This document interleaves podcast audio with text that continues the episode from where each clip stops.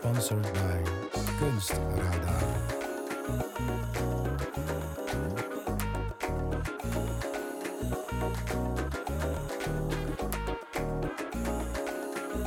The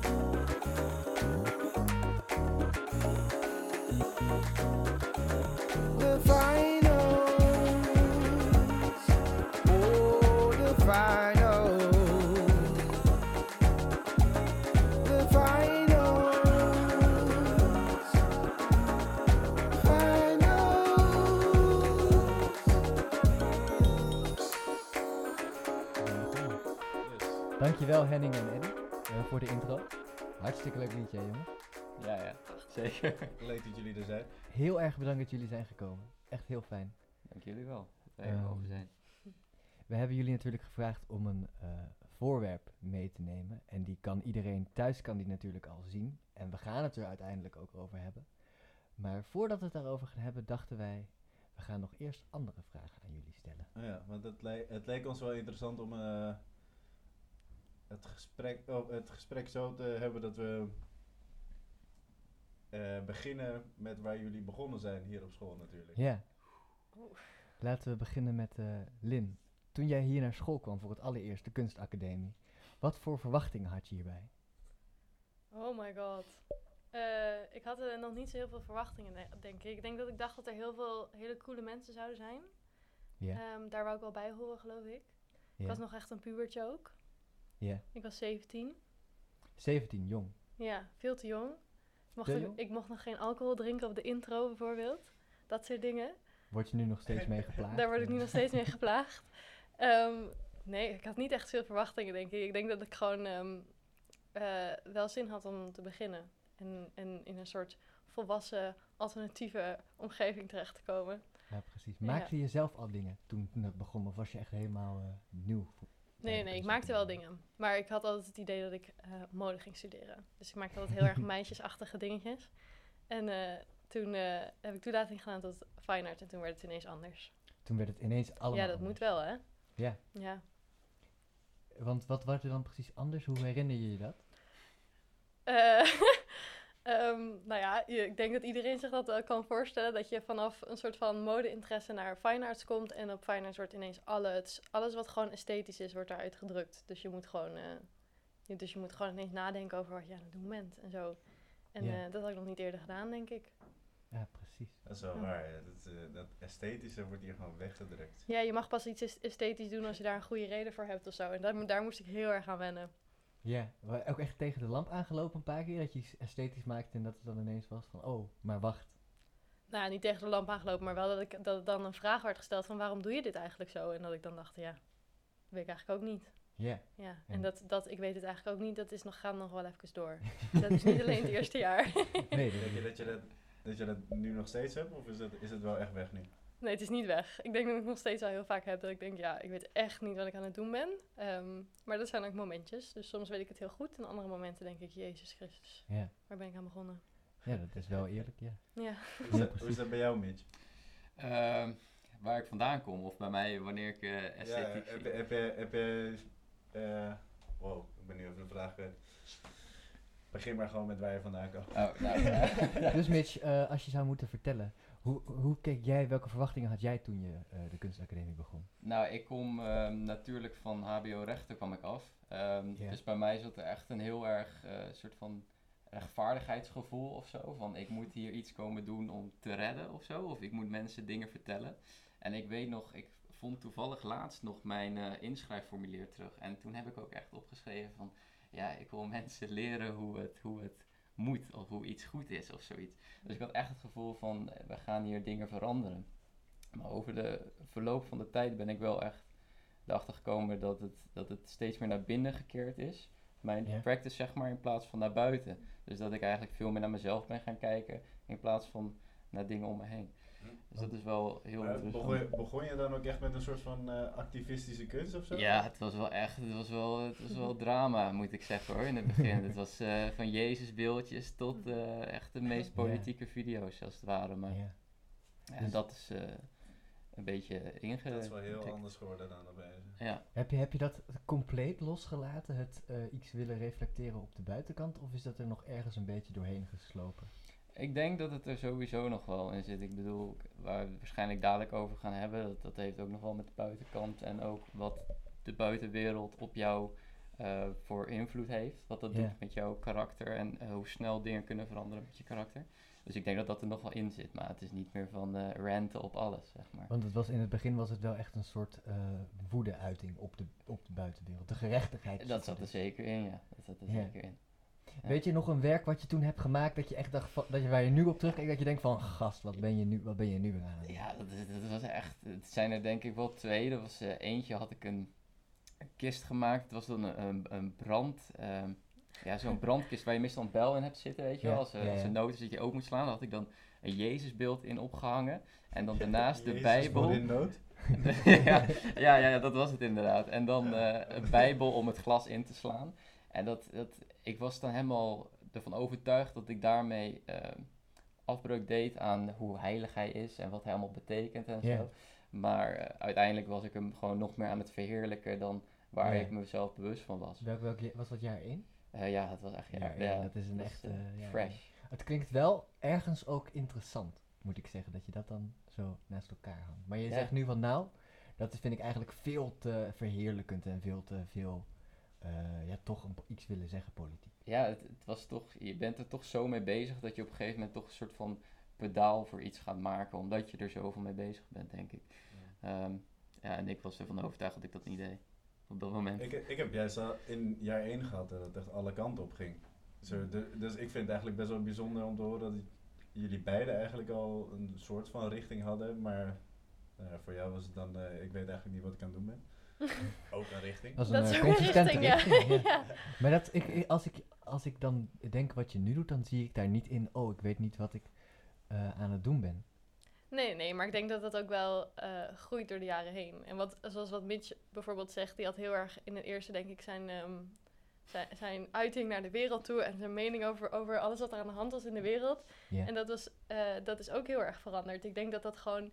De, de eerste is gewoon een soort basisjaar waarin je begint met een soort idee van dit is wat ik wil doen. En eh, binnen een paar maanden kom je erachter van ja, maar dit is allemaal niet eh, wat ik wil eigenlijk. Nee, want ik zat Ja, dan te denken van, hoe zijn jullie de tweede ingestapt dan? Want daar, daar ga je pas echt, echt aan jezelf werken. Dan loop je pas echt tegen Ja. de lamp aan, zeg maar. Ja, ja, het is wel het is vaag hoor, een beetje. Maar ik weet nog wel dat ik echt een beetje in limbo zat op dat moment. Dat, want je krijgt natuurlijk veel meer vrijheid Mhm. en meer tijd om jezelf te ontwikkelen. En ik, ik, ik wist het toen even niet meer, weet ik ook nog wel. En eh, het was toen volgens mij ook nog wel echt aan James om te zeggen van... eh, bam, we gaan nu richting Ja, kiezen. want En, James eh, is jouw tutor. Ja, Ja. Ehm, en toen, eh, toen ben ik ook nog heel even gaan ehm, verdiepen in robots en zo. Boston Dynamics, die hondenrobot. Oh ja, en, en dat gevaarte daarvan. En op een gegeven Het moment... gevaarte daarvan. Ja, ja, ja. Hoeveel autonomie die dingen kunnen krijgen en dat soort dingen. Ehm, en ja, dat is, dat is langzaam gegaan naar waar het nu is. Maar in de tweede is het echt nog wel even alle kanten op geschoten, Ja, ook nog steeds hoor. Dus, eh, En, ja. en bij jou, Lin, nadat alle mode-aspiraties en esthetieke aspiraties eruit waren geslagen door de Mm. harde hand van de kunstacademie, wat heb je eh, toen, toen gedaan? Heb je toen in de tweede meteen iets gevonden waarvan je dacht, ah, dat of... Ja, ik ging meteen heel hard. Ik eh, had helemaal geen, eh, eh, geen twijfel of zo in de tweede. Ik had meteen een onderwerp en daar ging, ik, eh, daar ging ik helemaal voor. Wat en, was het eh, onderwerp? eh, dat ging, oh my god. Dat ging toen volgens mij over ehm, de maakbaarheid van het Nederlandse landschap. Het, de maakbaarheid van het, maar ook vanuit echt de klassieke eh, Hollands licht en al. Ja, dat. precies, ja. Ja, ik was echt wel een beetje nog... Ja, maar wat ik net ook zei, ik kwam vers van de middelbare school. Dus ik denk dat ik echt nog een schools ehm, idee had van wat school zou Ja, moeten zijn. En eh, dat ging ik heel erg eh, op school, zeg maar, hier eh, erin, erin gooien. Je zag het Ehm, nog echt als school, dus... Ja, ik zag het nog echt als school. En denk, ik denk dat dat een soort van ontwenningsfase was. Zo, zo van, ik heb mijn eigen studio en daar mag je doen wat je wil. Daar hoef je niet... je hoeft niet te voldoen aan het idee van wat school is, bijvoorbeeld. Dat, dat, dat had je later. Dat kreeg, nou, tijdens, de tweede, tijdens het tweede semester van de tweede. J- Dat jij, is- zat, jij zat in de tweede te wachten op opdrachten, maar die kreeg Ja, maar die, die we kwamen maar mij niet dus ging ik het maar voor mezelf bedenken of zo. Uit een soort, eh, een soort schattig enthousiasme, denk ik dan maar. maar ja, dat was ook snel wel weer klaar, want je krijgt maar heel weinig feedback daarop of zo. En niemand Ja. gaat, je, gaat je research op spellingfouten checken. Dat moet je allemaal zelf doen. Dus dat is op een hele... ehm, je moet zeg maar leren in de tweede om op een hele andere manier eh, te denken en te werken. En dat is ook heel veel ontwennen, denk ik. En toen je daar eenmaal in het, in het tweede semester, zeg je, toen was er wel een omschakeling. Was je toen ook ineens verloren en een soort van helemaal eh, van het padje? Of, of gebeurde er toen juist iets wa- waar je weer iets aan had? Eh, ik denk dat dat school er gewoon een beetje uit was. Het school, en je ging En- het voor jezelf doen. Ja, ja en ik denk... Mooi. Mooi, hè? Ja. Zeer poëtisch. Ja. nou, hey. Ja. Nee, ik denk dat het gewoon... Op een bepaald moment is het gewoon weg. En dan ga je, dan ga je echt, zeg maar, gebruik maken van de studio's. En gebruik maken van wat een kunstacademie kan bieden, zeg maar. ja, Ja. precies. Dat is ook wel een beetje inderdaad. In de tweede dan, want je hebt zoveel mogelijkheden, maar omdat je opeens zo erg in het diepe zit, ga je toch. Ik weet nog gewoon dat ik met een fineliner en een paar A4 papiertjes gewoon ging als een soort van coping mechanism van, oh ik heb nu de tijd en die mogelijkheden. Dus ik, het, het was Hmm. toch heel eng. Hmm. Dat je toch wel iets vertrouwds wil blijven doen vanuit jouw eerste jaar. Zo ging dat Hmm. ook, weet ik nog wel. Dat En- gewoon, nog, gewoon nog niet durven experimenteren. Ja, soort van. En het- Ja. het- dankzij, eh, want net zoals wat Lin zei, van bijvoorbeeld dat je, eh, ik weet voor mij Partitioner was wel echt heilig hoor. Als ik even iemand bij mij op bezoek kreeg die dan even richting kon geven en dan zei van, oh we Ja. gaan nu een, eh een eh, expootje organiseren in jouw studio voor volgende keer als ik kom. Dat je toch nog wel wat schoolse moest hebben soms. Dus juist die aansturing heeft je ook wel geholpen. Ja. Dat is denk Ja. ik... eh, Hoe, hoe ervaar jij die practitioners dan?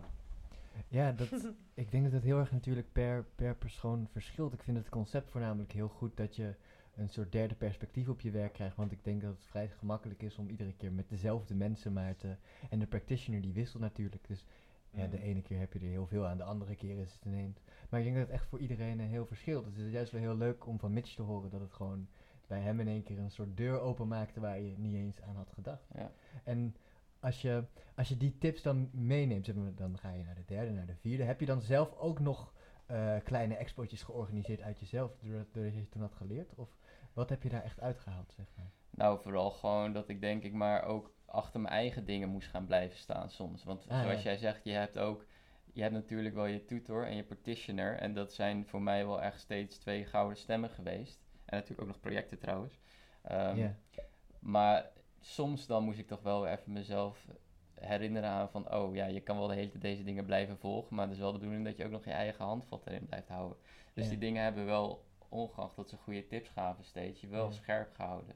Van alles om je heen kan de hele tijd beïnvloeden, maar eh, zorg dat je kompas de goede kant op blijft staan. Ja. En hebben, hebben jullie nu, eh, ook Lin, heb jij het gevoel alsof je nu zo'n handvat ook gevonden hebt, uiteindelijk na de vier jaar? Ehm, ja, ik denk dat dat ook heel gevoelsmatig is. Dus eh, Ja. ik herken heel erg wat Mitch zegt. Dat je, je krijgt door de jaren heen zoveel meningen over je werk heen gegooid. Ja. Eh, en op een bepaald moment krijg je gewoon zelf een idee van dit, eh, hier ga ik wel iets mee doen en hier ga ik niet iets mee doen. Ja. Ehm, dus je wordt constant wel weer, denk ik, ehm, het idee dat alles subjectief is en dat iedereen zijn mening subjectief is. En eh, eh, dat hou ik wel, daar hou ik nu ook wel heel erg aan vast eh, in de aanloop zeg maar, naar het afstuderen. Eh, omdat je gewoon, je, moet, je kan iedereen's mening wel eh, vast gaan houden en als een soort heiligheid gaan beschouwen, maar dat, eh, uiteindelijk is het jouw praktijk. Nou, Denk eindig je ik. met niks. Ja, precies, ja, want iedereen is ergens kritisch over. Ja. Dus dan heb je een soort eindeloos proces en dat is gewoon, eh, dat, dat kan Aan- niet. Aan, aan wiens advies hou je je dan wel vast? Of heb je gewoon echt letterlijk iedereen die... eh, Iedereen heeft nuttige dingen te zeggen, denk ik. En, eh, maar ik denk wel dat bijvoorbeeld je tutor wel echt een groot onderdeel is van, je, ehm, van de manier waarop je naar kunst kijkt. Ook al wil je dat misschien soms niet. of wil je dat niet toegeven. Maar ik denk dat dat wel heel erg voor een groot deel je vormt in hoe je naar Ja. kunst kijkt. mhm. Is heel fijn, inderdaad. Ehm, Ja, je kijkt er dan naar. ik kijk er al naar. Het eh, ik, ik vind het een goede overschakeling. Ik vind het een hele mooie overschakeling, want we hebben jullie natuurlijk gevraagd om twee objecten. Ik vond toen Mitch hier net zijn, die deed zijn tas open en hij liet Toy Story zien en er- ik begon te glunderen, Gideon. ja, Ik begon niet? echt te glunderen, Wie wie niet? niet? Ja. Ik vind het echt zo'n mooi voorwerp. wat je hebt meegenomen. En ik heb dus gehoord van jou net dat je deze volgende week gaat kijken. Nou, nou, het stond eigenlijk niet op de planning. Het was weer een grapje. Maar eh, ik sta er zeker voor open om hem weer lekker erin te duwen. Ja. Misschien eh, met de finals, gewoon een kijkavondje. Gewoon na het opbouwen nog even. Ja, want Mitch, jij hebt Toy Story meegenomen. Ja. Ehm, heb je die veel als, als kind? Wanneer heb je Toy Story voor het eerst gezien? Nou, pff, ik denk echt dat ik gewoon eh, twee, misschien drie of zo. Ik weet het niet echt. Ik was zo jong. Ik heb die op videoband, heb ik ze origineel. Ja. Die En, heb je ook nog. Ja, ja, die heb ik ook nog. Ik heb één en twee op videoband. Ja. En eh, ik heb die echt zo onwijs veel gekeken. Het is echt... Ja. eh, Kan je dan ik, kan, ook... ik kan me niet eens herinneren hoe oud ik was, zeg maar, toen ik hem voor het eerst zag. Het is echt... eh, ik heb die film ook... Ja, ik denk misschien wel grijs gedraaid. Het is echt niet normaal. Dus als we die met jou kijken, dan kun je elke, elke zin die daar gezegd wordt, kun jij gewoon eh, twee minuten van wel- tevoren gewoon even al vertellen. Ik denk dat ik best wel veel zou kunnen citeren. Ik zeg ook mooi. heel vaak... eh, er zit een slang grote- in mijn laars. Grotendeels van Nederland kan dat hoor. Ik bedoel- Ja, ja, ja. Het was ook echt een heel ding toen ik hem voor het eerst in het Engels ging kijken, kijken dat ik dacht van, oh fuck, dit ken ik niet. Wat gaat er nou gebeuren? Ja, precies. Maar het is echt, eh, ja, echt een heel groot deel van eh, wie ik ben, kan ik wel zeggen eigenlijk. Een groot deel van, van wie je bent. Ja, Zou- zou je dat kunnen toelichten? Wat, welk gedeelte van jou is Toy Story? ik denk Woody. Woody. Woody, de western. Of misschien wel de, de, de relatie van Woody met Andy. Ik denk dat dat, dat, dat het wel is wie ik De ben. relatie van Woody met Andy. Kan je die relatie ook terugvinden in jouw werk? Ja, zeker. Kun Ja, ik, ik kan nu even een notendop even snel voor de luisteraars en de kijkers natuurlijk gaan uitleggen ehm, waar Wacht het daar werk nog over even gaat. mee. Wacht daar nog maar even mee, want ik wil Oh. wel even weten wat, wat jij dan eh, in die relatie van Woody met Andy, wat, wat, waar zie jij jezelf daarin? Wat, wat is daarin wat jij bent? die, die relatie van Woody en Andy is eigenlijk gewoon een soort van bubbel als het ware. Die samen met z'n tweeën een soort van politieke campagne weerspiegelen voor het behoud van onschuld. En alle gevaarten, ehm, bijvoorbeeld ook het moderne of eh, het, het continue van de tijd, wat daar gevaarlijk voor is om daarin binnen te dringen of daar eh, invloeden op kan uitwerken. En hoe zij samen eigenlijk, als ze samen blijven, Ja.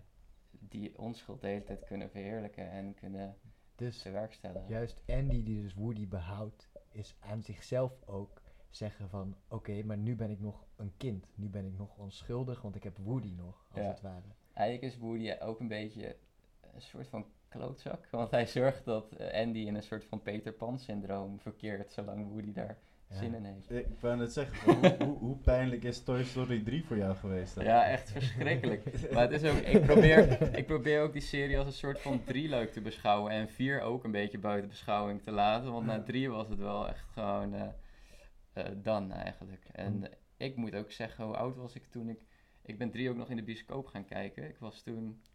Kijken, ik ging volgens mij net naar de middelbare. Ik denk dat ik toen 12 of 13 was. Want Drie is, drie is dat ze daar een eh, kinderdagverblijf worden Ja. gezet, toch? Ja. En ik, ik, ik heb serieus, eh, toen zij, eh, z- er is een scène, dan gaan ze naar zo'n afvalverwerker, en dan gaan ze naar Oh, zo'n ja. vlam. Ik heb serieus een traantje weglopen pinken, omdat ik dacht dat het af was. Dat- Ik zat er echt, ik, Ik heb, zat te een, knijpen hoor. ik heb wel eens een filmpje gezien waarbij zo'n zoon, die ging dan zijn ouders voor het eerst die film laten zien. En toen heeft hij het laatste stukje eraf geknipt en heeft hij daar de credits laten rollen voor zijn ouders. Ja, ik, ik dacht ook dat het af was daar. Ik Ja. was helemaal in de onderstelling van, nou dit is Ja. het, dit, eh, het is af. Heftig.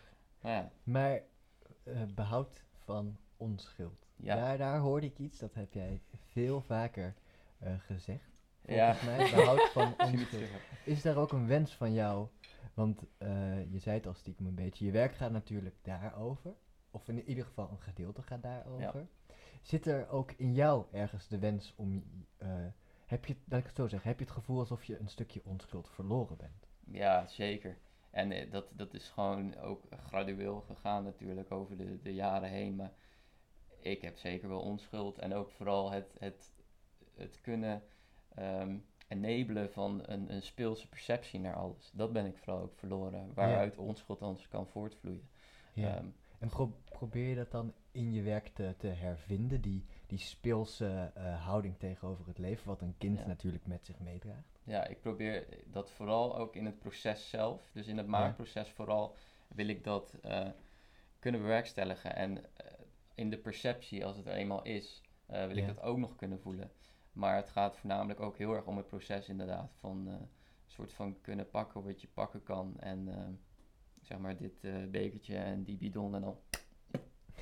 En daar Ja. dan gewoon dat plezier uit kunnen halen. Maar ook dan uiteindelijk tot een nieuw beeld of een nieuw, nieuwe combinatie kunnen komen. Of iets wat niet lekker voelt, omdat het bij elkaar is gedrukt. En daarin ook weer speelsheid kunnen vinden. Dus het kan in, in verschillende dingen, als het ware. Ja.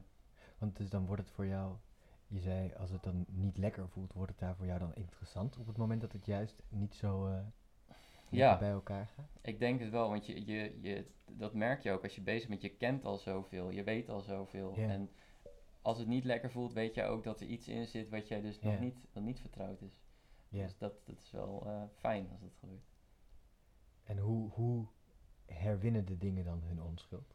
Ja, dat is echt, dat, daar kan je echt bijna geen, geen vinger op leggen. Dat is ook iets, kijk, het is zeg maar niet iets wat je af kan dwingen. Het is ook iets niet Nee, wat je kan, nee. kan ehm, traceren. Of je kan zeggen, oké, op deze seconde is het in dat proces gebeurd. Ehm, wat ik wel heb gemerkt is dat ik ehm, vaak lach in mijn proces. En ik heb ook eh, in mijn artistic research onderzocht dat die lach kan functioneren als een soort van eh hertraceerpunt, waarin ik dus misschien wel die onschuld heb ervaren. Ja. Ehm, dus ja, wanneer die dingen dat vinden, kan ik nooit 100% zeker zeggen, maar ik kan wel een gevoel hebben van. Ja, dat is heel mooi natuurlijk. Heb jij nog een mooie vraag voor eh, Mitch, Gideon? Ik zat meer te denken van, van dus die lach die link jij eigenlijk aan een soort van je innerlijke kind zo. En, daar, en daardoor, daardoor weet jij van nu is het goed. Ja, en ook, ook gewoon het ongemak van dat je dus iets misschien niet kent of het voelt niet lekker aan. Die ongemak is ook een, een opening naar een nieuw perspectief. Ehm, en in dat nieuwe perspectief kan je ook weer speelsheid, onschuld vinden. Zoek je dat ongemak dan ook op? Soms wel, soms niet. Soms denk ik, het is wel lekker hoe het Ja. gaat, gewoon in het proces van, eh, nou, we zijn lekker bezig. Maar soms denk ik ook van, ja, ehm, dit is echt een raar beeld. Wat nou als ik Goofy erop plak? En dan eh, gaat het even niet lekker met Goofy Ja. op dat moment, zeg maar. ja. Want, want in, in, jouw, in jouw werk komt natuurlijk vrij veel popcultuurreferenties Ja, veel natuurlijk. games ook. Heeft dat een, een specifieke reden met betrekking op die onschuld? Want ja, ik, ik denk ook dat games eh, zijn ook heel erg gefocust op eh, de verhoudingen van onschuld en zo. Ehm, Ja. Je hebt bijvoorbeeld, ik weet niet of kennen jullie Bioshock, dat spel? ja, ja, ja. Met De eh, de onderwaterwereld Rapture die dan is vervallen. En dan heb je nog Little Sisters en Ja. hun, eh, hun eh, beschermer, dat is dan de Big Daddy. Nou, die relatie waar ik het dan over heb met Woody en Andy is eigenlijk ook Ja. de Big Sis of de Big Daddy en de Little Sister. En er is dan ook een moment dat je bijvoorbeeld die Little Sister, als je die Big Daddy hebt verslagen, dan kan pakken. En dan sta jij op een punt van, ehm, ga je die Little Sister nou gebruiken voor ehm, jouw kapitale winst? Of ga je haar loslaten? Want en haar even voor de verduidelijking voor de kijker en Lin, want ik zag Lin net echt ja, even... kijk zwaar verward. Vroeger, vroeger, Ik ben ik, ook zoekend hoor, met Vroeger- heeft. maar- vroeger als ik met mijn een broertje over Pokémon praatte waar mijn ouders bij waren, dan gebeurde er dit. Dan was dat de blik zo van, Mm. Oké, waar heb je het nou over? Eh, voor de duidelijkheid, het is een spel en dan heb je op een gegeven moment een heel groot monster. En dat, dat grote monster dat beschermt de hele tijd een soort klein, lief, onschuldig meisje. Als je dat grote monster verslagen hebt, dan vind je dat kleine meisje iedere keer. En dan heb je dus de keuze, laat ik dit kleine meisje vrij? Of vermoord ik haar, was het? Ja, voor Adam. Vermoord ik haar en dan krijg je dus extra punten in het spel om weer beter te worden, als het ware. Ja. Om even de relatie duidelijk te Ja. maken. Het is een heel heftig eh, spel, maar echt een klassieker. Dus als je, als je, als je game vet... Ja, ik weet niet. even, ik denk dat het duidelijk... Dat het goed is dat we het Dat even verduidelijken. Om, omdat het anders misschien... eh, daddy, little sister... eh, een Mm. beetje abstract. Ik hoorde jou net praten over ongemak. En toen ging bij meteen een soort van... Oké, Lin, die was natuurlijk ook vanuit de mode ineens een soort ongemakkelijke situatie terechtgekomen. Waarin ze die esthetiek ineens op een andere plek moest zetten. Heb jij ehm, in je werk zit daar iets van dat je ongemak opzoekt? Zoek je dat ergens? Ja, dat denk ik wel. Ik denk dat wel heel veel, eh, heel veel kunstenaars dat doen eigenlijk. Ja, Ehm, maar ik denk dat juist eh, dat frictiepunt, waar dingen niet helemaal lekker lopen, dat dat juist het meest interessante punt is. En dat je dat eh, in je onderzoek of in je beeldende zeg maar, werk, als dat naar voren komt, dan pas wordt het interessant, denk ik. En ik denk dat dat ook is wat je bij, bij Mitch bijvoorbeeld heel vaak ziet. En waar we het nu net over hebben, over die game, dat klinkt heel fout. Dat klinkt echt ontzettend fout. En dat is juist het moment waarop het zeg maar interessant wordt als het gaat bijvoorbeeld over onschuld. Of over, ehm, eh, ik zit, ja, ik ken het werk van Mitch natuurlijk al best wel lang. Ehm, maar wat ik altijd heel grappig vind, is dat Mitch altijd heel hard moet lachen op het moment dat er iets gebeurt dat eigenlijk echt niet kan. En dan begint hij te lachen. En ik vind dat een heel interessant punt, want eigenlijk is dat best wel onschuldig. Van er gebeurt iets wat niet kan en je moet lachen. En wat, wat moet je daar nou mee, zeg maar? En ik denk dat dat best wel, zeg maar, dat dat, dat gebeurt. Ik denk dat je dat kan Ja. uitvergroten op heel veel eh, fenomenen en, en dingen in de wereld. ja precies. Ik, ik denk ook van, net als die vraag die Sean stelde aan jou, van dat jij ook onschuld of eh, ongemak opzoekt. Ja, Ik denk ook dat het ook heel erg in de, de speelsheid, en moet je me trouwens verbeteren als ik het niet goed zeg hoor, maar ook in de speelsheid komt ook heel veel terug. Want jij bent bijvoorbeeld ook op zoek naar dingen die je bijvoorbeeld nog niet begrijpt, of bepaalde Mm. formules of dingen die interessant zijn. En daar zit ook een soort van onschuld in, van oh ik zie iets wat ik niet ken. En ik wil dat ook kunnen ontdekken of daarmee aan de gang gaan. En dat soort dingen kunnen begrijpen. En dan ook in die speelset is er altijd nog een soort van dreiging van hoe erg ehm, ga je het proberen te beheersen. Want zodra je iets gaat beheersen, gaat die speelset er vanaf, ga je onschuld ook tegelijkertijd voorbij. En wordt het weer een heel erg ja juist vanuit die, winstgevend eh, iets. Ja, vanuit die nieuws- nieuwsgierigheid of zo, of vanuit dat, dat onschuldige, naïeve. Eh, dat is een soort van, ik denk dat het een soort van basis is van iedereen. Want iedereen is nieuwsgierig en iedereen wil dingen leren en weten en kunnen. Eh, maar tegelijkertijd zorgt dat gewoon heel vaak, denk ik, voor een soort dynamiek of een soort dingen die er gebeuren die eigenlijk helemaal niet kunnen. Eh, en, een soort, en ik denk dat dat structuren zijn, daar, daar ben ik dan denk ik meer in geïnteresseerd. De dingen die zeg maar fout lopen. de dingen die fout lopen. als je zeg maar vanuit die nieuwsgierigheid op zoek gaat naar dingen. Ehm, Ja. Je wilt begrijpen en je wilt hebben en je wilt allemaal, eh, je wilt allemaal kunnen onthouden en graspen, zeg maar. Maar dat kan gewoon niet. En dat is een, ik vind dat, dat punt vind ik altijd heel interessant. Dat kantelpunt, eigenlijk, ja. Ja. Want, Ja, Eh. zou, je, zou je ons kunnen vertellen wat je, wat je mee hebt genomen? Want ik zag een soort van landschapje, ik kan hem nu niet goed zien, dus ik moet het even uit mijn Er hoofd staat een dvd voor, ja. doen. Een landschapje met een huisje erop. Ja, ik, ik zie een soort, eh, ik moet denken aan een schaap. Een schaap op Een een schaap? weide. Daar moet ik aan denken. Het is dus ik denk aan wol. Eh, Ja, dit is mijn, ehm, het, het is mijn, eh, denk ik, het schattigste werkje wat ik ooit heb gemaakt. En dat daarom, het is een van die werkjes die ik heb gemaakt. En dat, telkens als ik naar kijk, dan word ik soort van blij dat ik dit heb gedaan. Ehm, de Geef je titel jezelf is, dan eh, ook een schouderklopje? Die, die je onschuldigheid zit er zeker in. Ja, precies, ja. Ja, ik denk, telkens als ik deze zie, dan denk ik, ach, wat heb ik, dat is dat een goed idee. Ehm, Gelukkig. ja. Ehm, ja, de titel is Party Tent op Rotterdamplaat. Partytent op Rottermerplaat. Ja, en ik denk dat het... Gigantische eh, partytent voor zo'n... eh, Ja, ja, ja. ja, Kun je vertellen, Rottermerplaat ja. klinkt als iets waar jij geweest bent. Nou, dat is dus een plek waar je niet naartoe mag. Daar mag Ehm, je niet naartoe. Nee, dus eh, het is een eiland in de, in, zeg maar in de Waddenzee. Dus hoort eigenlijk bij de Waddeneilanden. Eh maar het is onbewoonbaar, het wordt beschermd. Ehm, want er leven allemaal interessante beesten en zo. Ehm, maar wat ik interessant vind aan het eiland is dat het... ehm, eh, mensen mogen er niet naartoe. Dus alleen eh, in de jaren zeventig zijn er twee schrijvers naartoe geweest. Bomans en nog een ander. Godfried. Godfried Bomans Ja. en eh, Wolkers. Jan Wolk. Jan Wolkers. Nee, Die twee. Goed zo, je weet de Ja. voornamen. Heel literair. thanks. Die zijn er naartoe geweest en dat zijn de enige twee die naartoe mochten. Ehm, Ja. En die hebben daar een radioshow gemaakt. Dus die hebben daar een week, allebei apart van elkaar, een week in een tent gezeten op dat eiland. Ehm Wolkers vond het fantastisch. Die liep in zijn naki rond en die was aan het knuffelen met zeehonden en zo. En Godfried Bomans, die, die zat daar en die was diep, diep, diep ongelukkig. Want die zat daar in sociaal isolement en die kon daar niet mee omgaan. Ehm, Oké, Wie van de twee zou jij zijn? ook een hele goede vraag. ik weet wie ik zou zijn. De zeehondenknuffelaar. ik denk ook de zeehondenknuffelaar. ik denk dat ik ook een zeehondenknuffelaar ben. ja, ja. Ja, ja. Unaniem. Maar Maar ik- Besloten. ga vooral in op dat naakt rondlopen. Dat lijkt me heel fijn. Op een eiland voor jezelf. Dat is wel iets voor jou. Ja? ja.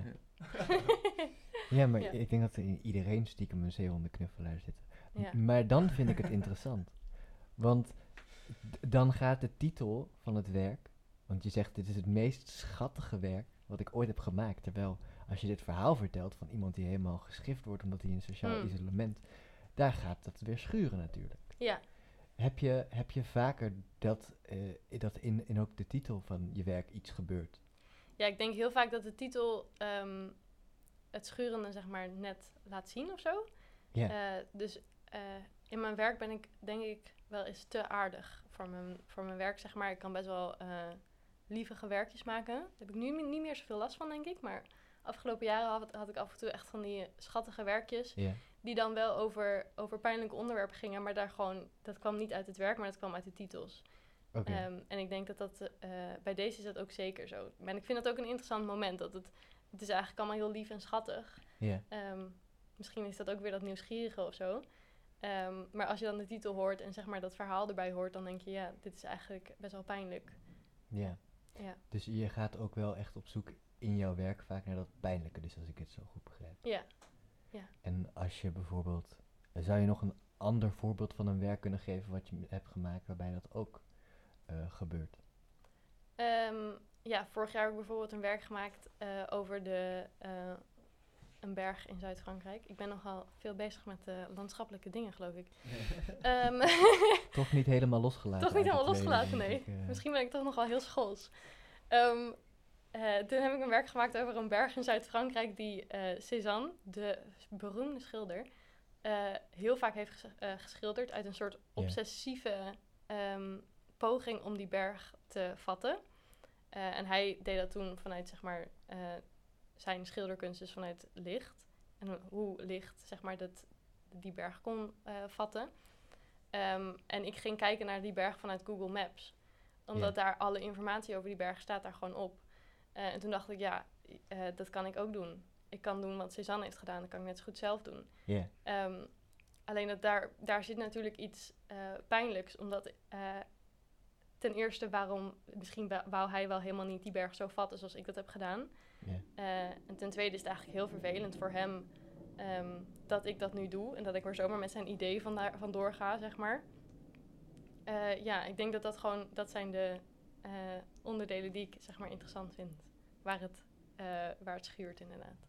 Ik voel dat hier ook in de achtergrond een beetje Ja. schuring was net. Ja, dat schuurde heel erg in mijn Maar hart. misschien is dat ook dan wel weer heel mooi Ja. dat dat gebeurt. Dat is live. Ja, ja, dat hoor je dan ook weer wel. Interessant. En ehm, Ik vind het wel mooi hoe, dat, hoe het eh, eh, kinderlijke er heel erg in zit. Zo van, van eh. Inderdaad die nieuwsgierigheid van een kind. Je, gaat je gaat ergens op af van oeh, leuk, een mooie steen of zo. En je tilt de steen Ja. op en daaronder liggen allemaal enge pissebedden. Ja. Ja, precies. Ja. Dat is eigenlijk een beetje hoe, wat ik link aan jouw verhalen Hmm. die achter Ja, het is ook altijd een soort verrassing. Je denkt op het eerste gezicht van dit is gewoon mooi of dit is gewoon leuk. En als je dan verder kijkt, dan zit er altijd een soort van nog iets onder waar je dan denkt, oeh, Ja. dit is eigenlijk niet helemaal prettig. ik had ook nog wel een vraag voor Mitch. Ik, ik zie me dan voor me, je had het net over lachen Eh, en over onschuld. En als ik iets heel onschuldig vind, je hebt een man met een baard en een Metallica shirt. Ik vraag me af, giechel je dan wel eens om je werk? Gewoon een beetje, een beetje ja, dat zou wel. Dat het zeg maar nou, Linde, jij, eh, je Want jullie, zitten, geweest. want jullie kunnen natuurlijk ook dingen over elkaar zetten. Mm. Even voor de kijker, voor de duidelijkheid. Zij zitten bij elkaar in een ateliertje. Ja, en ook al Ehm, vorig jaar naast elkaar. Vorig jaar. Ja, ik, eh, ik en Mitch hebben een lange geschiedenis. We hebben in de eerste ook met elkaar in de studio gezeten. Oh ja, ook ik nog. ben ja. ook getuige geweest van dat het Jezus werk. ja, hoe was het? Heb je, heb je het glas kapot geslagen met de Bijbel toen? Het Nee, is nog nee, heel, ik heb het nog. Oh, je hebt het nog? Hij is nog heel. Misschien kunnen we het op een veiling of zo. eh, Ja, ja. ja. Als er iemand ineens heel veel geld heeft die dit kijkt en die denkt, nou, ik wil wel een, eh, een Jezus figuur in, Ja. in een brandkast. Maar ook allebei gewoon van de eerste tot en met de vierde, zeg maar, bij James gezeten. Nee, nee, nee, Nee. zit bij Vincent. Maar toch altijd al bij, in dezelfde studio. Of, nou, Nou, wel Ja, met tussenpozen, tweede- maar De tweede niet. nee. Nee, maar de derde en de vierde dan.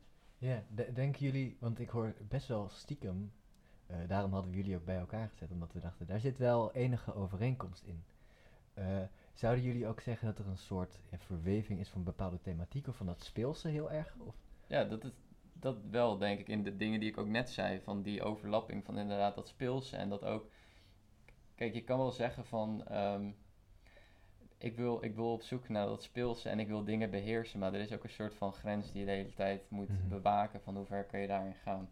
Ja, Ehm, ik, ja, ik, ik voel dat. Misschien voel ik dat bij jou, maar heb ik dat fout. Maar, Nee, ik denk dat het wel klopt. Ik denk dat ik er nu ook wat bewuster van word, nu we dit gesprek voeren, zeg maar. Eh, ik wist het van tevoren wel, maar ik denk dat ik op een hele Ja, andere manier kijk dan jij, Mhm. bijvoorbeeld. En ook op een Ja. hele andere manier eh, werk met deze thematiek. Maar ja, hoe meer we het er nu over hebben, hoe meer ik ook door heb van ja, het Want- komt wel vanuit dezelfde plek of zo. want Mhm. Mitch, geef jij bijvoorbeeld je, je werk titels? Ja, ja, wel echt rare titels. Ik heb er gisteren nog Ja. eentje gegeven. Ehm, dat was Hoe heet die? Wat is de titel? No Fristy Before Gymnastic. en dat was dan gebaseerd op dat als, ehm, als wij gingen gymmen op de basisschool, Ja. eh, dat we dan, wij gingen eten en drinken voor gym. En dan eh, gingen kinderen koprollen en dan hadden ze fristie gedronken. ja. En dan, ja, dat ging niet goed. En dan zag je zeg maar al de hele dag voorraad op een gymmatje liggen. Ja, en toen ik dat schilderij zag, dacht ik van ja, het is een soort van eh, resultaat dat eh, daarop lijkt, als het ware. Ik vind het heel mooi. Ja. Maar dat, da- dat heb ik het idee. Ik heb het idee alsof, ehm, en correct me if I'm wrong, eh, bij, bij jou voel ik heel erg dat het heel erg om het proces gaat. Juist dat speels Mm. bewaren in het proces. Mhm. En bij jou heb ik het idee alsof dat is een heel belangrijk gedeelte van je werk. Maar die titel, daar gebeurt iets. Dan, Ja. dan ineens dan, want als jij dit maakt, als je dingen maakt, heb je dan, eh, je keek ernaar en toen kreeg jij een titel. Heb jij, voordat je iets maakt, al een titel in gedachten dan soms, bij het idee? Of, Ja, heel vaak wel, ja. ja. ja. Zou je dan zelfs kunnen zeggen dat het vertrekpunt is? Of? Eh, het is geen vertrekpunt. Ik denk dat het vertrekpunt begint wel gewoon bij een interesse in iets of een soort onderzoek in iets. Eh, en dan komt, dan komt het vanzelf of zo. Er is een soort combinatie van dingen die er dan gebeuren in mijn hoofd. En dan, dan heb ik ineens een titel die zo bizar is dat het, dat het gewoon moet, zeg maar. Ik weet het ook altijd meteen als het die titel moet zijn. Dan klopt het gewoon. Dan is het, eh, gaat er een lampje branden en dan... Ja, ja. Ja, bij, bij de titel Partytent op Rotterdamplaat werd ik gewoon helemaal warm. En toen dacht ik, ja, dit is het. Ja, en toen was het werk al gemaakt. Eh, toen was het werk nog niet gemaakt. Dus het, echt, je werd er helemaal warm van en dacht ik, hier moet ik iets bij maken. Ja, het was een soort, ja, ik had het, ik had het geschetst, zeg maar, en toen kwam Ja. de titel. En toen dacht ik, ja, nu moet ik het wel maken, want als ik dit niet maak, dan, dan Dan is die klopt titel er iets niet of zo, ja. Begint het bij jou dan wel met een soort van research? Ja, het begint wel altijd met research, ja. Ja. Ik denk dat dat ook wel een verschil is tussen Mitch en mij waarschijnlijk.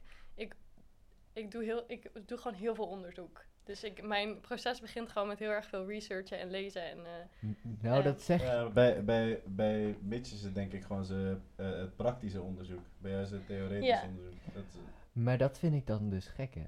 Want ik weet, ik heb eh, ongeveer een jaar geleden of anderhalf jaar geleden met Mitch een project gedaan. Een project waar wij over, ja, daar zullen we maar niet over hebben. Maar Mitch was de enige die met een zieke ringbinder kwam die aan. zeg maar wij hadden allemaal een paar papiertjes en een paar tekstjes hadden we gelezen. En Mitch komt met echt de halve Duitse geschiedenis, alles van cataclysmes. Wat je ooit kan bedenken, Ja. smijt hij op tafel. Ik zweer dat ding was 10 kilo. Weet Ja. je, was echt gewoon... En hij had het hey, allemaal hey, ik zei- gelezen. Ik zei, ook niet dat, eh, eh, dat Mitch niet leest. Want je kan eh, duidelijk horen aan hoe hij praat Ja. dat hij genoeg leest. Ja, maar ik, ik vraag me dus af, wat gebeurt er dan daarmee? Ja, dat... Of wel, wat ik nou met die map heb gedaan, of Nee, wat er gebeurt ik nee, die- maar- ik die map heb Nee, maar gemaakt. als jij zoveel leest, als je Of zoveel... er, of er de fris die overheen hebt gemoeid. Als je, als je zoveel leest en als je zoveel... eh, toch, ik geloof echt dat jij heel veel research hebt gedaan. Ja.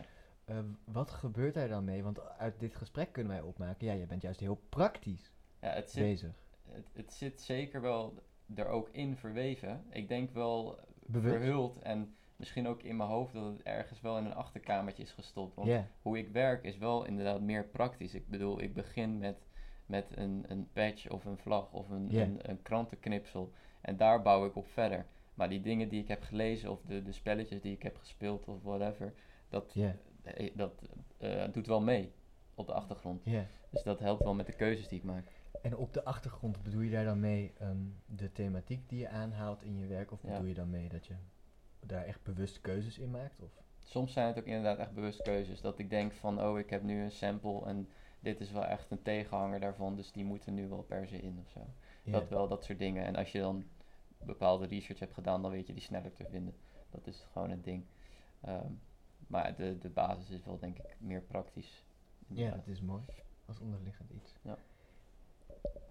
Heb jij nog vragen die je ons eh eh, liefst? Hoe lang zijn we aan het opnemen? Dat is ook een volgende vraag. Eh, Zo'n 38 minuten. Zo'n 38 minuten. Dus we hebben nog wel even. We Zeker. hebben nog wel even mogen over. Ik heb wel ehm, een vraag, denk ik. Ik denk dat ik gewoon bij Lin begin. Oh. Wa- wat, wat, wat denk jij eigenlijk eh, wat er na de finals gaat gebeuren? Oh. hoe zie jij je toekomst? Ehm, ja, Hoe ik- wil jij je toekomst? ik moet zeggen dat dat in deze tijd echt een hele rare vraag is om te beantwoorden. Ehm, Ja, dat is lastig. ja. Maar je, Ehm, hebt, je hebt vast wel een beeld. Ja, ja. Ja, ik ben... eh, sowieso wel van plan om zeg maar gewoon kunstenares te blijven, te worden. Hoe noem je dat? Officieel kunstenares te zijn. Je krijgt een papiertje waar Ja. toch? Zo kun je het noemen. Je Ja, zo kun je- ondertekent een, di- een diploma, dus ja, dan ben precies. je het. dus dan is het echt. Ehm, ja, dat wil ik wel gewoon blijven zijn. Ik denk dat dat, een, eh, eh, dat dat gewoon bijna natuurlijk komt. Dus of ik dat nou wil of niet, dat moet gewoon. Ehm, en eh, ja, daarnaast hoop ik natuurlijk gewoon dat, ik, dat, het, eh, dat dat succesvol wordt. Ehm, en Ja. daar ga ik wel mijn best voor doen. Maar is- ik En, heb en op in, welke vorm kunstenaar dan? Want je, dus je, je hebt, er, eh, je hebt zoveel verschillende vormen. Ga je, wil je echt expositie, expositie, expositie? Of eh, lezingen? Of, Nee, voor mij zou het wel echt een, een combinatie zijn van zeg maar het kunstenaarschap en, en wat meer in insti- instituten ook een rol hebben. Ik vind het organisatorisch ook heel interessant en zeg maar het, een plek bieden voor kunst vind ik ook een, iets heel leuks. Ehm, dus voor mij zou het perfect zijn als het een soort van combinatie wordt van, van beide. Mhm. Want je Ja. hebt organisatorisch heb je hier natuurlijk al heel veel gedaan op school. Ja, Zou je daar misschien iets over kunnen twijfel. ik kan bijna niet meer Ik hoorde een twijfel. Ja. Het was, eh, ja, want eh, ik hoor van iedereen eh, dat alle dingen eh, die er dan rondom, wij moeten ieder jaar een bar. Organiseren. En ik heb gehoord dat jij echt de persoon was die eh, alles delegeerde en die iedereen eh, alle kanten opstuurde. Nou, ik wou niet zeggen alles, maar ik ben wel, ik ben wel goed in zeg maar streng zijn voor mensen als ze iets moeten doen inderdaad. En gewoon Ja. zeg maar dat overzicht houden over een groep mensen en ervoor zorgen dat er dingen gebeuren. Dat vind ik ook gewoon, eh, ik vind dat gewoon heel leuk om te doen. En vooral Ja. in, juist in de kunstsector denk ik, is dat heel interessant ook. Omdat je met heel veel verschillende mensen bezig kan. En ja, ja, ik De heb... samenwerking Ja, precies, ja. Ja, Ja, het is ook, ik denk dat het kunstenaarschap ook best wel iets eenzaams kan zijn. ja. Eh, alleen in een studio zitten. En ik denk dat ik dat ook tijdens de quarantaine wel heb gemerkt. Eh, je kan heel snel in een soort isolement komen zitten eh, als je alleen maar in je studio zit en alleen maar met je eigen praktijk bezig bent. En eh, zoiets organisatorisch in een instituut of gewoon met andere mensen iets doen, ja. dat, dat eh, is juist heel productief, een hele productieve tegenhanger, denk ik. En voor Ja. mij werkt dat gewoon heel goed om dat allebei te doen. Ja, dat, want juist dus het, de eenzaamheid wordt leuker omdat je dus juist, het is een Ja, wisselwerking. Ja, precies. Het is een wisselwerking. Als je alleen maar in je eentje in je studio zit, dan na een tijdje Dan ben je je gewoon gewoon je werk dood aan het kijken. Ja, dan word je gewoon Godfried Bomans. ja? en dat moeten we natuurlijk niet hebben. Want we willen wel zeehonden kunnen knuffelen als we Ja. ons eh, zitten. Heel graag. Ja, maar dat, dat deed hij ook alleen, dus dat kan in principe ook. Ja, maar daarom Blijkbaar zeg ik kun je ook- je ook heel blij voelen Ja, in je maar-. Zij zegt natuurlijk nu dat om de zeehonden te kunnen blijven knuffelen, Hm. moet je wel onder de mensen eerst zijn. Ja. Dat is de metafoor van de podcast, denk ik. eh. De, men- de, de mensen knuffelen. Als je hier Ja. iets uithaalt, dan hoop ik dat het dat was. Zeehonden knuffelen. Eh, mijn, mijn, ik hoor mezelf nu. Oh, ja. eh jij wel. Oké, sorry. Onderbreking. Moet er uitgeknipt worden, denk ik. Ja, denk het ook. Nee joh, lekker laten zitten. ja, verder. Eh, oh ja, wat was er? Oh ja, hoe ik... Ja, Hoe, hoe zie jij de, de tijd na eh, Ehm, eh, Ja. afstuderen? nou, ik heb ehm, gelukkig wel al een show staan. Dus dat is iets waar ik naartoe kan leven, nu als het ware. Het is ook wel mijn plan om dat even... Ik wil zeg maar na het afstuderen wel even weer op mijn eigen benen staan. Niet weer iets eh, vast meteen daarna. Ehm, Hoe bedoel je vast? Als in werk of school? Of, eh? Nee, geen nieuwe studie of zo, zeg maar, in dat opzicht.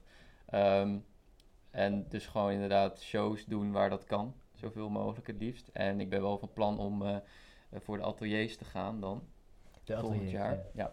Ja. Eh, daar wil ik wel echt naartoe werken. Maar eh, grotendeels is gewoon eh, shows. Ben, je, ben je daar eh, wel eens eh, met de open dag of een rondleiding geweest? Ja, we zijn daar geweest met How to, oh, How to Connect. En eh, het is ook, ik vond het grappig dat we het over dat isolement hadden. Want ik heb wel de, de neiging om heel graag door te werken, door te werken, door te werken. Ik zou echt eh, de monniken levensstijl wel kunnen implementeren, zeg maar.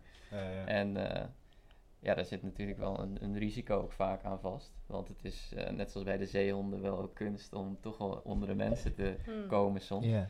Ehm, Ja, maar dat, En- dat systeem van de ateliers, dat ligt best wel gelijk aan eh Artes. Dus eigenlijk ga je dan weer een soort van Artes volgen op een hoger niveau dan, of zo? Ja, maar ook die, die vrijheid dat je dan wel 24-7 gewoon lekker je studio in kan. Eh, Ja. En toch wel weer op die manier zoals ik nu ook werk, dat gewoon eh, wanneer je wil kan gaan doen. Dat spreekt me wel echt aan. Maar we moeten het zien en eh, voor nu is het plan gewoon verder werk maken en shows. Dat is heel mooi. Ja. Dat je alles in dienst zou willen stellen van het maar mogen maken weer. Mhm, ja. Dat is heel gaaf. Dus je, eh, zie jij je, s- zeg maar, ga je nou echt een baantje zoeken of denk je nee, nee, nee, nee, nee, dat gaan we niet doen.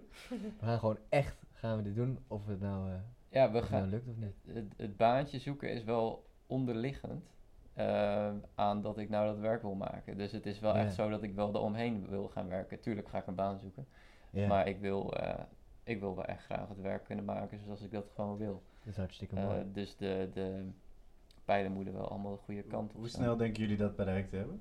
Zou dat, dat de Zo. ultieme vrijheid als kunstenaar zijn? Ik denk dat, dat in deze tijd, dat is wat Lin zei, dat het wel echt twee keer zo lang gaat duren als Ja. dat het normaliter zal zijn.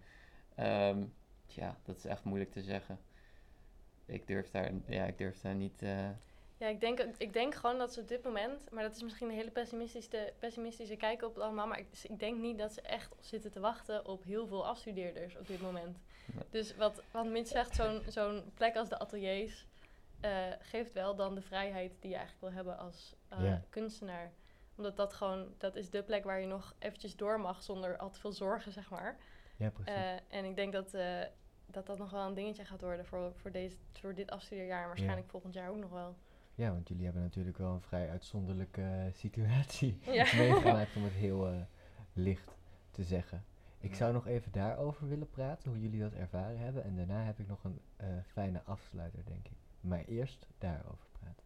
Want jij zei dat je had gemerkt in de quarantaine dat je best wel snel in een soort sociaal isolement terecht kon komen. Merkte je dat ook tijdens die periode?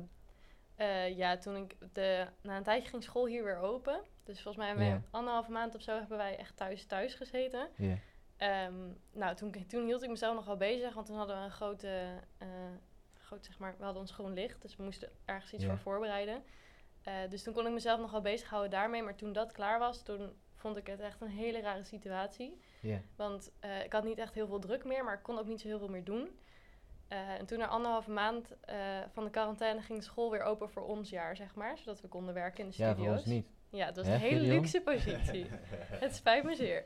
Wij zitten nu ook in een luxe positie. Ehm, maar toen ik hier, toen hier zat, toen werden wij allemaal verspreid over de, over de school. Dus we, Ja. de- we moesten afstand houden. Dus we zaten allemaal apart van elkaar in hetzelfde gebouw. Dus we wisten dat, we, dat iedereen er was, maar je mocht niet echt per se veel met elkaar doen of zo. papieren vliegtuigjes en gingen zo Nou, een soort van, ja. postduiven sturen. En Ja, dat was wel echt... eh, Post, ja, postmuisje. sociaal contact. ja, dat was wel echt... Dat vond ik echt een hele rare tijd. Ja? Ook omdat ik gewoon... Je bent gewoon eh, wel bezig met je afstudeerwerk, maar je, je praat er met niemand over. Je zit alleen maar zelf naar te kijken. En ehm, Hadden we zelf geen docenten? Of, eh, ja, online Recursies alleen. en- Dus je, bent, je Ja. stuurt een foto, maar dat is nee, niet... Dat is niet hoe dus- je Nee. zeg maar je werk kan, kan bekijken. Maar en, eh, Zag ja. je elkaar niet even bij de koffieautomaat of Jawel, zo? jawel. Maar het is, ja, het is gewoon anders. Zo heel even snel een foto laten zien en Ja, het is niet zo dat je voor de Het is- gezelligheid het gaat... is, eh, het is heel afstandelijk. Het is Ja. niet meer die Ja. zeehond knuffelen. inderdaad. Nee. Het, Nee, met misschien hele lange pootjes zo. Dat je Ja. twee bezems Ja. vasthoudt dat je op Jullie hebben er niet super lang thuis gezeten eigenlijk. Nee. nee. Jullie hebben het gewoon heel hebben goed jullie thuis nog wel doorgewerkt dan? Ik Ja. heb wel een poging gedaan, maar ik vond dat wel echt dramatisch. Voor mij ging dat echt niet. Ja. Ja, ik, denk- ik denk vanuit iemand die dus echt drie maanden Ja. dat heeft meegemaakt. ehm, daar is wel echt een switch in geweest, denk ik in ieder geval. Ik weet, ik heb ook wel nauw contact gehad met Gideon, want we zaten in dezelfde lessen. Op een gegeven moment was er wel een soort gewenning. Ons boekenclipje. Ons, we hebben een boekenclubje gehad. Ah. We hebben Don Quixote samen gelezen. Ehm, maar op een gegeven moment was er wel echt een switch dat je daaraan gewend raakt, inderdaad. Maar dat is wel interessant om juist te zien dat, dat, dat jullie anders is. Want hoe is dat jou afgegaan, Mitch? Eerst groen licht. Ja, nou ja, groen licht was al, denk ik, de derde week of zo. Van de. Ik weet het niet, het was ergens in mei, dacht ik. Ehm, maar in het begin dacht ik wel even van poef, hoe gaan we het nu eh, omgooien? Want ik was toen heel erg met keramiek bezig en ik had geen oven of ook geen klei eh, leverancier in de buurt of zo. Dus ik wist niet wat ik moest doen. Dat heb ik gelukkig allemaal eh, extern wel kunnen regelen. En voor de rest heb ik echt de tijd gewoon eh, doorgeschilderd als het ware. Maar ik Ja. merkte wel heel erg aan, het werk is wel echt door die hele periode heen veranderd. Want ik heb we hebben zeg maar eerst ook nog die brand gehad. Dat had al invloed Ja, op het want- werk. Ja. En dat heb ik gemerkt. Toen kwam Dat is corona. ook nog gebeurd. Ja. Ja, ja, dat is ook nog gebeurd. Onze school stond in de fik. Jeetje. Ja, dat is echt. Maar al die dingen. Een gedeelte. nou. Ja. Maar al die dingen die hebben dus wel hun sporen achtergelaten. Het is ook Mm. heel erg frappant om te zien dat eh, in december er echt, ik weet niet hoeveel kleur in het werk zat. En dat is er gewoon bijna allemaal uitgefilterd. En ook echt gewoon, Ja. ja. dat is heel raar hoe dat is gegaan. Maar ook in die coronatijd merkte ik heel erg dat net toen we thuis zaten, dat ik niks eh, kon als het ware. Had ik echt een soort van explosie in het werk. Van dat moest ergens naartoe. Meestal kan je dat hier ook nog wel aan hele andere dingen kwijt of zo. Maar dat moest allemaal puur op het schilderij. En na een tijdje is het een soort van. Ja, ik weet niet. Die, die, die eh, coronadepressie die is er gewoon ingeslopen. Het lijkt, lijkt zo, ja. Eh, Maar het is niet zo. nee, nee, nee, nee. Nee, ik, denk, ik denk, ik weet niet, het was gewoon, eh, er is een nieuw soort focus gewoon ingetreden in die periode. En eh, ik, ik heb daar wel van eh, genoten, zeg maar, eh, uiteindelijk. Ehm, Ja, het is even een omslag of zo die je moet maken. Maar uiteindelijk hebben wij als jaar wel echt een heel lang proces kunnen hebben. Ja. En dat is denk ik voor heel veel mensen wel heel goed geweest. Tenminste, Ja. als ik voor mezelf spreek, dan is dat echt... eh, dan heeft dat wel een soort van... Die hoeveelheid tijd die ik er ineens bij kreeg, dat heeft, er wel voor gezorgd dat ik denk ik beter en- werk maak. En, en nog zelfstandiger geworden als ik het zo hoor dan. Ja, Ja. want je krijgt gewoon geen... Er zijn mensen, dat is niet van onze tutorgroep, maar er zijn mensen die sinds december geen gesprek meer hebben gehad met hun tutor over hun werk. En die wel gewoon nu aan het afstuderen zijn. Die hebben dus eigenlijk gewoon al drie kwart jaar een eigen praktijk opgebouwd, zeg maar. Ja, en dat is, dat is en, natuurlijk voor hen ook een gigantisch ander leerproces geweest, wat misschien ook interessant is. Is dat, Ja. is dat niet ook deels voor jou zo, Mitch? Ik Ja, heb, ja, eh, ik dit jaar- James is ook eh, op en aan en toch weer niet. Ja, ik had het eerste half jaar had ik James, toen heb ik eh half jaar Edward en nu heb ik half Edward en Munira. Dus ik heb Ja, drie tutoren, soort van. dat lijkt me ook wel heel Ja. interessant. Ja, Ik vind het in ieder geval, ik wil het echt even Geen benoemen. luxe. hè? Het is, ik vind het, als jij dan zo praat van ja, het moest ergens naartoe en in mijn werk. En dat heb ik bij Lin ook, hebben jullie allebei echt het gevoel alsof er iets van jullie zelf in het werk zit. En dat vind ik wel echt heel mooi om te horen. Dat is gewoon echt Mm. een, een verdienste waarvan je Ja, zegt, en, oké, dat, en dat de tijd meespeelt blijkbaar in, in, eh, in de kleur van je werk. ja, ja, ja, blijkbaar. ja. Nee, dat is echt, eh, vind ik echt een mooie, mooie Hoe verdienste. is, dat bij, hoe is dat bij jou dan? Heb je, heb je in jouw werk ook een hele verandering gezien? Eh, ik denk dat ik wat eh, geduldiger ben geworden met werk maken. Ik denk dat ik het eerste semester van, eh, van de vierde, dat, voelt, dat is dus nu gewoon alweer een jaar geleden dat dat begon, eh, maakte ik heel veel werk. En ik was echt super productief en ik maakte echt, echt volgens mij wel drie werken per week of zo. En nu kan ik me wat meer, wat rustiger concentreren op één werk en dat dat echt goed is. En dat is wel een omslagpunt of zo. En dat ik dat misschien is fijn. dat ik misschien ook je, dat mijn eigen eh, proces wat serieuzer neem of zo. Van het is niet gewoon, het wordt straks beoordeeld en dan hoor ik wel of het goed, goed is of niet. Ja. Maar nu is het gewoon echt je eigen eh, praktijk en daar ga je mee verder als het goed is. En ja, wat mooi. dat is wel, eh, Ja, dat heeft het een bij hele, andere focus gevonden. Ja, Mm. ja. ja.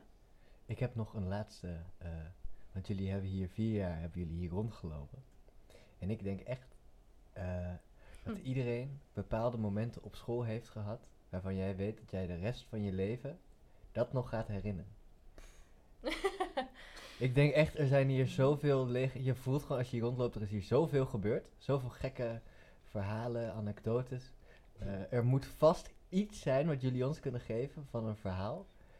eh, wat er gebeurd is waarvan je denkt van dit, dit ga ik later gewoon nog aan denken en dan ga ik lachen. Of dan ga, dat weet ik veel. Gewoon. Oh. Ik wil bijna zeggen, ik loop altijd alles mis en ik hoor alles later. Maar Oké. je sluit je te veel op in je... Ja, mijn grote anekdote is misschien, eh hey, Dat, naar eh, Teun en Ruud. dat is wel mijn hoogtepunt van eh, het hele schooljaar. Ja, dat kan ook. Eh, maar eh, ja, poeh.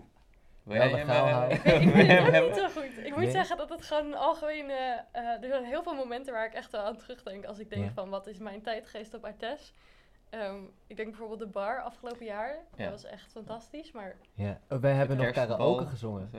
we hebben Wij karaoke hebben karaoke gezongen. Ja, gezongen. Ik dat is wel ik echt een goed zeggen, moment. Volgens mij is Sean gewoon op zoek naar die smerigste Ja. roddel van... eh, Nou, dan zou ik het niet noemen. Nee, Sean en ik hebben volgens mij samen... Wij hebben eh, High School Musical gezongen Dat wou ik zeggen, we hebben High School Musical gezongen.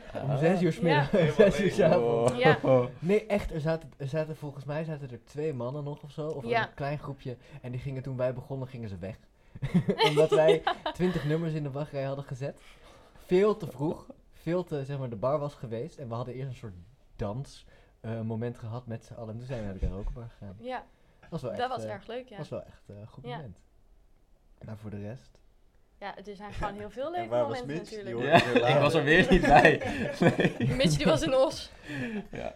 jij, jij hebt altijd het gevoel alsof je alles misliep. Maar dat is misschien ook wel goed, omdat je dan meer in je ateliertje hebt gedaan. Juist. Waarschijnlijk wel, ja. Mitch was de, gewoon de grootste monnik van ons allemaal. Amen. En zo zal hij herinnerd worden. Ja.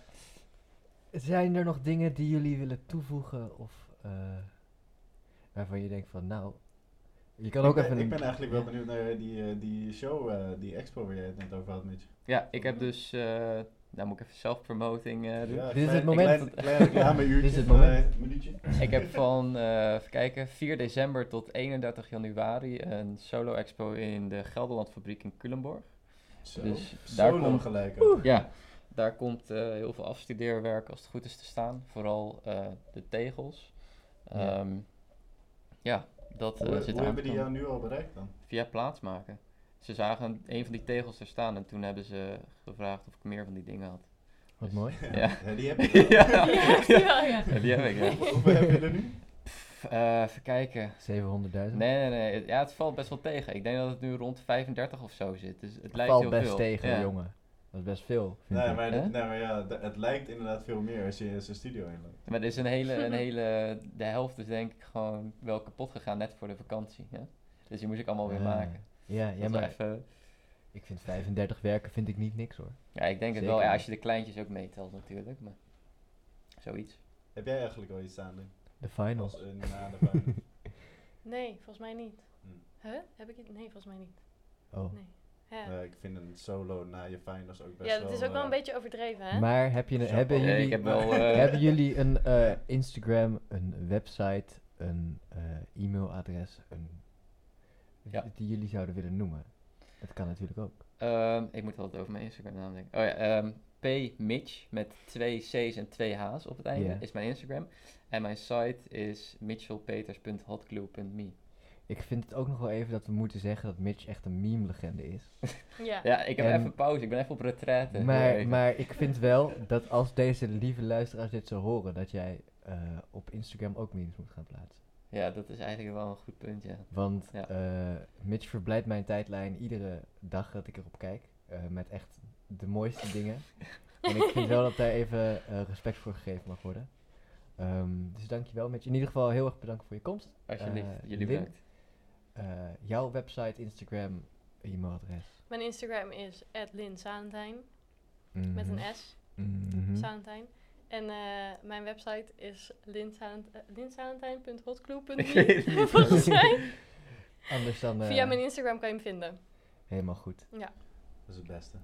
Ik, Ja. Dankjewel jongens. En vergeet, vergeet natuurlijk niet naar de... Jullie hebben allebei de finals die eraan komen. Van Ja. wanneer tot Ja. wanneer is dat? Vertel eens even. Jij wist het, ik zei het fout. 4 tot 8 november. Ja. 4 tot 8 november. Ik denk dat het een hele belangrijke datum is voor alle lieve luisteraars om het in de agenda te zetten. Jazeker. Ehm, ja. nou, ik denk dat dat dan was. Hartstikke bedankt in ieder geval nog. En eh laat...